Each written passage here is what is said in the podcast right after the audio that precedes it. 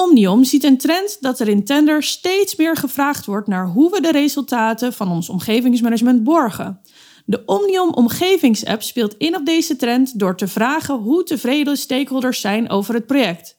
Door de tevredenheid in grafieken inzichtelijk te maken en door de grafieken te delen met de opdrachtgever. Zo zorgen we ervoor dat de opdrachtgever verzekerd is van een tevreden omgeving. Met de Omnium Omgevingsapp krijg je meer punten dan je concurrent in je MV of BKPV-plan door A. Het interactief te betrekken van je omgeving, B. Het geven van transparantie aan de opdrachtgever en C. Door het geven van zekerheid aan de opdrachtgever. Wil je de volgende tender winnen? Denk dan aan de Omnium Omgevingsapp. Omnium. Iedere stakeholder vrolijk.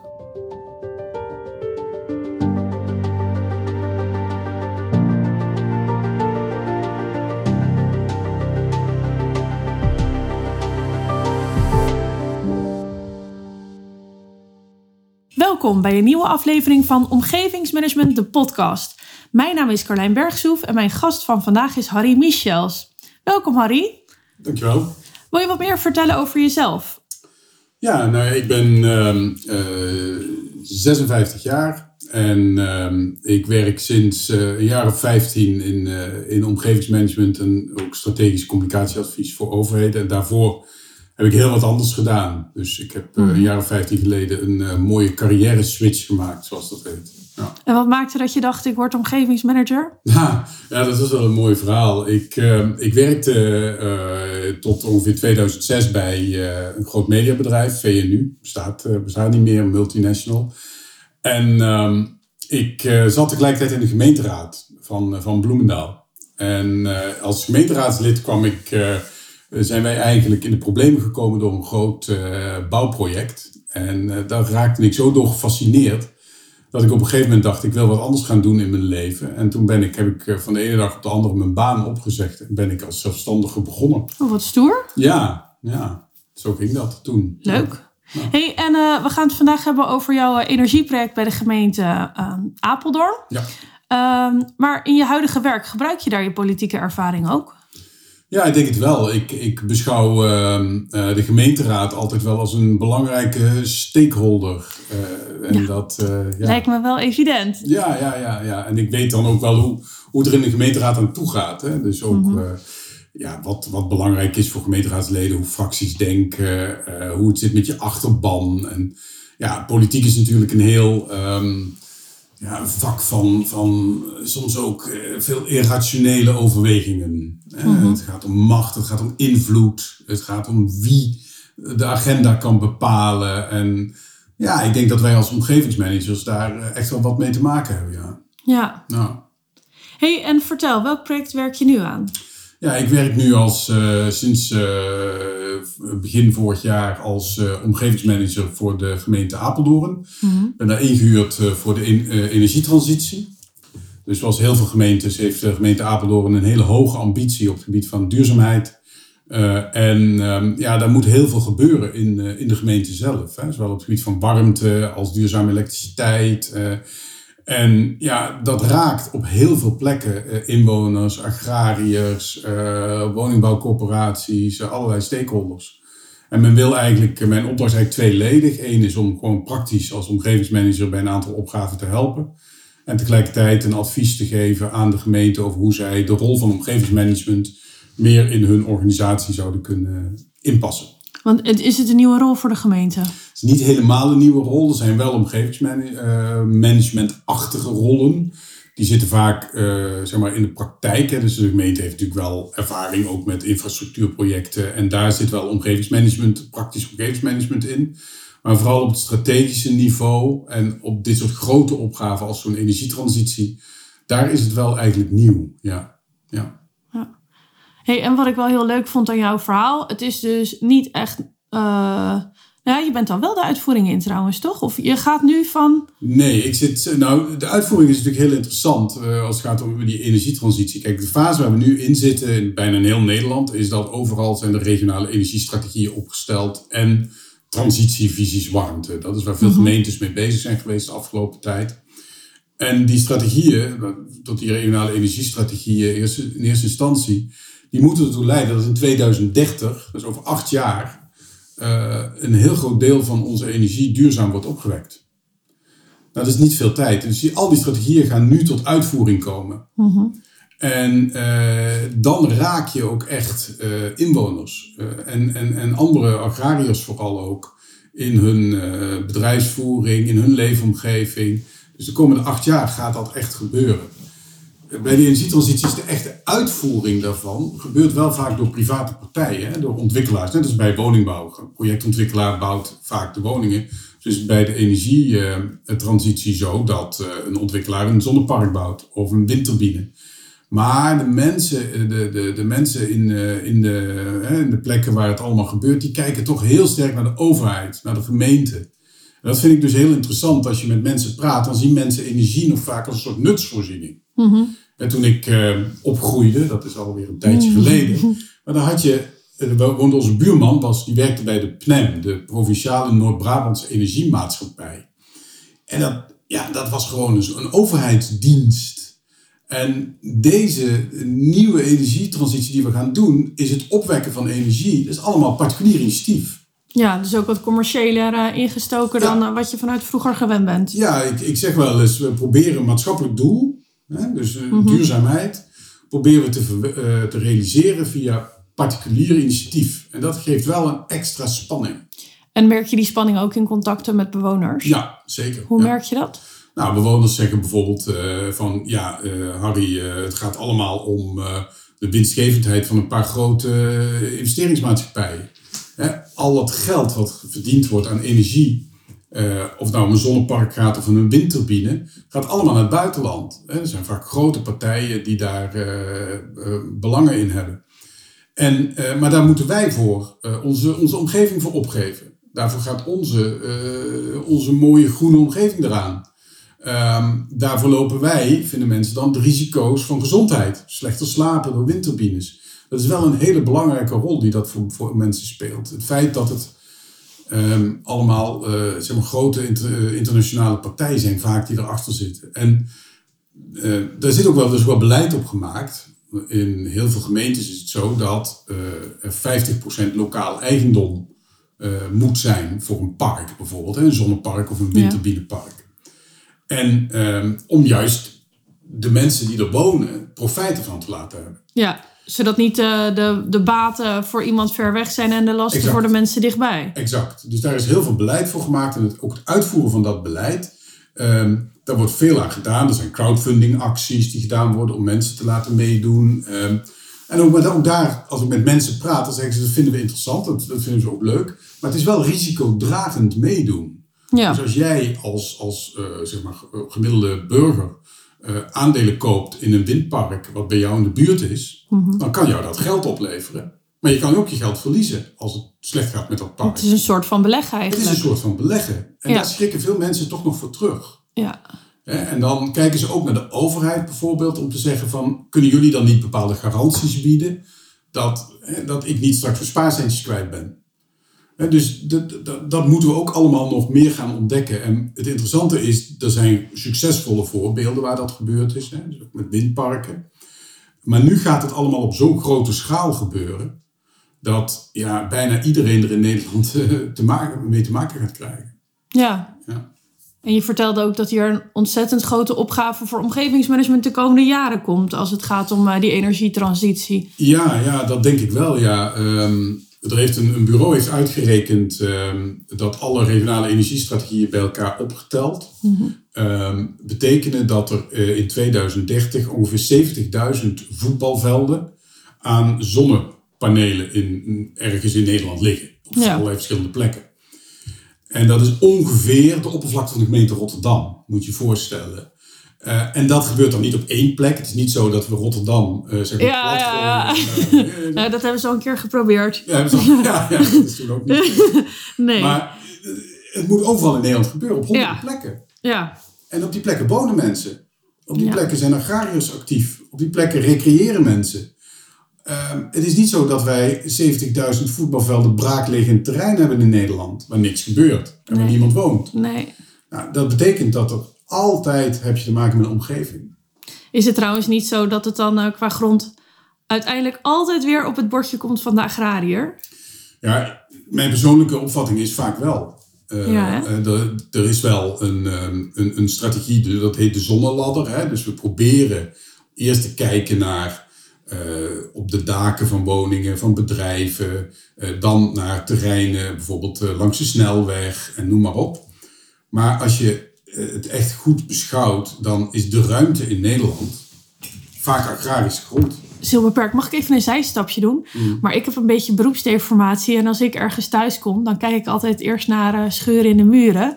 Heb Ja. jij hetzelfde met zonnepanelen? Ja, ja, toen ik eh uitstapte uit de auto stapte hier, eh, toen keek ik hier rond op- in jouw straat. En eh, ik zag gelukkig wat zonnepanelen op de daken. Ja. Dat is echt wel een ding hoor. Want als ik met mensen praat waar bijvoorbeeld een zonnepark komt of een windpark.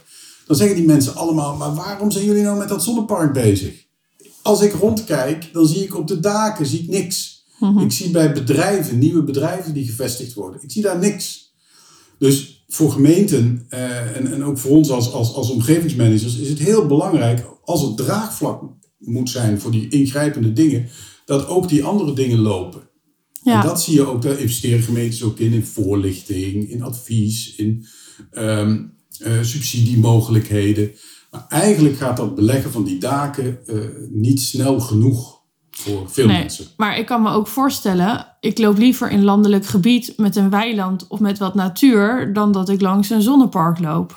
Ja, dat is ook zo. En dat, ik denk dat dat voor heel veel mensen geldt. Ehm, eh, wat wel zo is, is dat er ook door exploitanten eh, veel ge- eh, gekeken wordt naar hoe kan je zo'n zonnepark nou goed inpassen. Oké. Er zijn ook creatieve oplossingen voor. Oh, zoals zijn- wat? Ja, er zijn zonneparken waar men tussendoor eh, eh, watergangen heeft, heeft, heeft gemaakt, slootjes, waar je zelfs in kan kanoën. Oh, En dan kan je er lekker doorheen.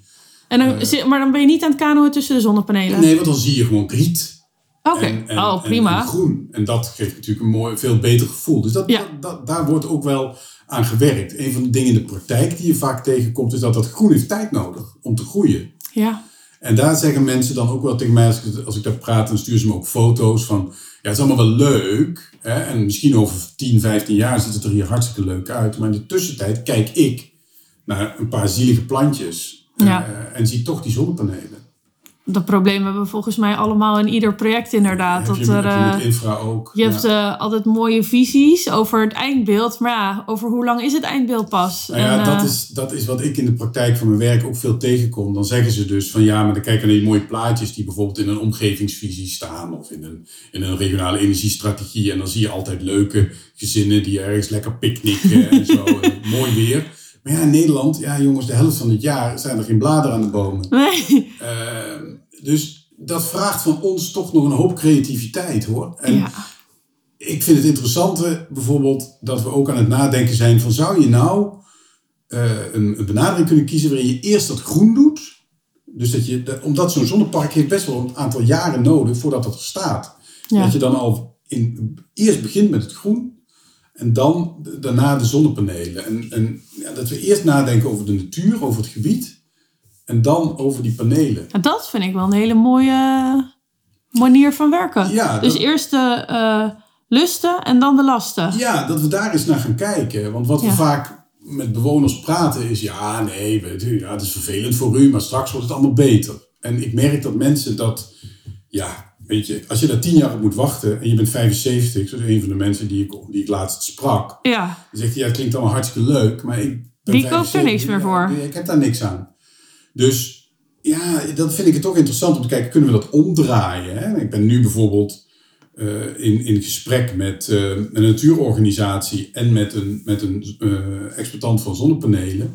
Om inderdaad te kijken of we dat project om kunnen draaien. Leuk. Dat we eerst over de natuur gaan nadenken en dan kijken hoe passen we die panelen erin. Want hoe kan het dat het zo lang duurt voordat alles staat? Ik bedoel, het is nu 2022, 2030 moet alles er staan. Het wordt een druk jaar in 2029. Ja, eh. een druk, een druk jaar. Nou, er zijn Ja. een, paar, een paar dingen. Eh, het netwerk is heel belangrijk. Dus het elektriciteitsnet in Nederland. ehm, eh, nou, dat, dat moet je maar aan Liander vragen. Die, die, dat is niet gebouwd om vanuit honderden plekken, laat staan duizenden plekken, als je alle eh, daken meetelt, miljoenen plekken, energie eh, te produceren. Dat is van, van een paar centrales naar huizen, bedrijven enzovoort. Dat net moet dus allemaal aangepast worden. Nou, dat, is, dat kost tijd. En bijvoorbeeld eh, in, in de regio Apeldoorn heeft Liander gezegd van nou, wij hebben een aantal jaren nodig hè, om dat klaar te maken. Ja. Dat duurt vier, vijf jaar. Ehm, eh, die zonnepanelen, eh, de vraag naar, naar het materiaal neemt enorm toe. Want niet alleen in Nederland zijn we daarmee bezig, we zijn wereldwijd mee bezig. Ja. Ehm, dus eh, de levering van die, van die, van die panelen is een, is een hele kwetsbare zaak. Ehm, je moet gronden verwerven. ja, dat is ook zo'n ding. Kost ook tijd. En, Ja. en die grond, en dat zie je ook, dus ook een interessante ontwikkeling die je ziet, is dat de prijs voor agrarische grond bijvoorbeeld in, gebieden, in zoekgebieden van, van zonneparken, die, die gaat gewoon omhoog. Ja, Dus, dus eh, die eh, exploitanten die zijn vaak bereid om daar eh, goed voor te betalen. Dan krijg je ook weer een concurrentie tussen, tussen landbouwers. Hè? Van de een zijn grond beschikbaar wil stellen aan een exploitant van zonneparken. En daar dus geld aan wil verdienen. En de ander zijn buurman denkt, ja maar wacht even, eh, ik wil eigenlijk als boer, als agrariër groeien. ja. Ik wil misschien wel een natuurinclusieve landbouw. Daar heb ik meer grond voor nodig.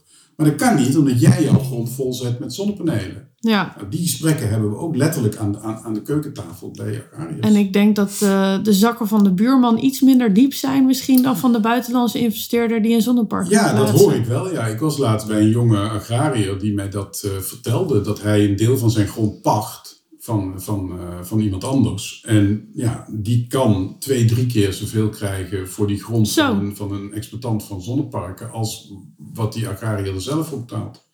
Ja, dat geeft allemaal spanning in, in, in die gemeenschappen. Ja. ja, dat kan ik me wel voorstellen. Ja. Kan me heel goed voorstellen trouwens, want principes hebben we allemaal. Maar ja, als jij geld nodig hebt en je kan drie keer zoveel krijgen. ja, Hoe ga jij daarmee om als omgevingsmanager? Nou ja, kijk, ik ben niet degene, ik ben geen makelaar in gronden. Dus ik ga Nee, niet, dat ga snap niet ik. zitten wielen en dealen.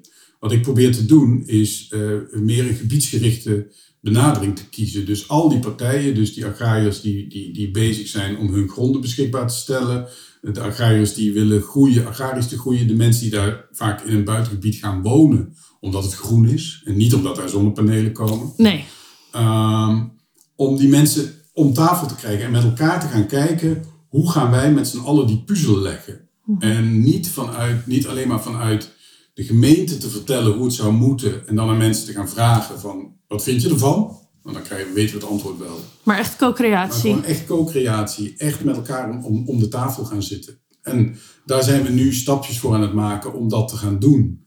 En ehm, dat is, eh, dat, dan hoor ik ook wel van mensen zelf van ja, als wij die ruimte krijgen, ja, dan hebben we zelf ook wel ideeën Oh, leuk. hoe dat op te lossen. Ja. En ik denk dat we eh, die creatieve energie die er bij mensen zelf zit, dat we die ook naar boven moeten halen. ja, uiteindelijk is dat het allermooiste natuurlijk. Als jij een project hebt binnen tijd, geld, kwaliteit, eigen initiatief van de mensen, ja, dat is toch waar het voor Ja. doet. En, en dat klinkt natuurlijk allemaal ideaal, hè? Dat is wel Ja. mooi. Dat zijn de boekjes die we ook allemaal gelezen hebben, de Ja, cursussen die we allemaal allemaal willen. hebben.